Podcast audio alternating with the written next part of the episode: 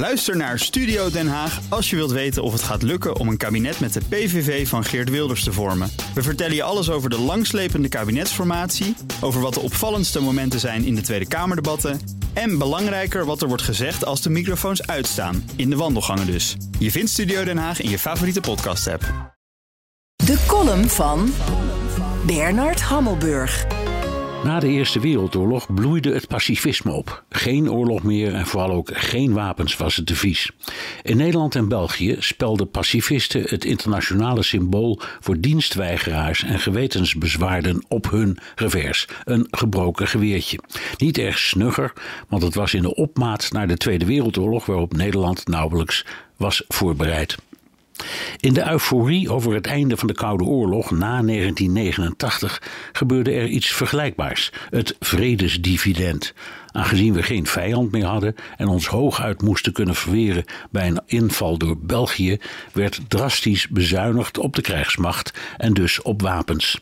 In het spoor daarvan rukte maatschappelijke druk op de financiële wereld op om het beleggingsbeleid te toetsen aan duurzaamheidsregels.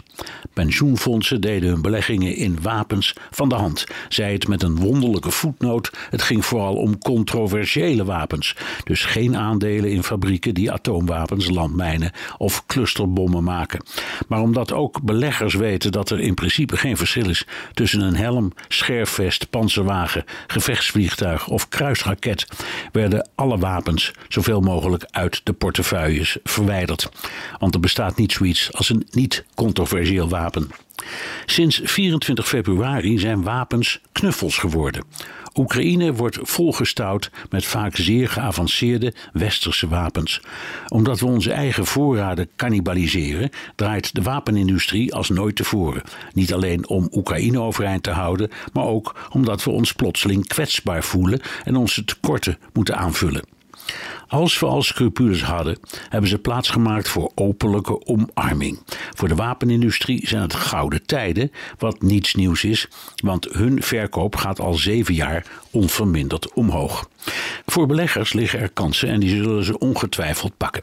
De vraag is wat institutionele beleggers, zoals pensioenfondsen, doen.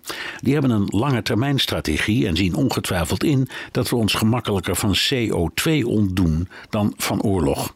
De les van deze tijd is dat duurzaamheid niet alleen gaat over opwarming van de planeet, maar vooral over overleven zonder onze nazaten tekort te doen.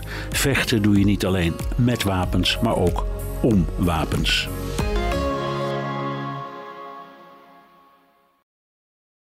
Ook Diana Matroos vind je in de BNR-app. Ja, inderdaad. Je kunt live naar mij luisteren tijdens de Big Five. Ook handig in de BNR-app. Breaking nieuwsmeldingen, maar ook het allerlaatste zakelijke nieuws. En je vindt in de app alle BNR-podcasts, waaronder Wetenschap Vandaag. Download nu de gratis BNR-app en blijf scherp.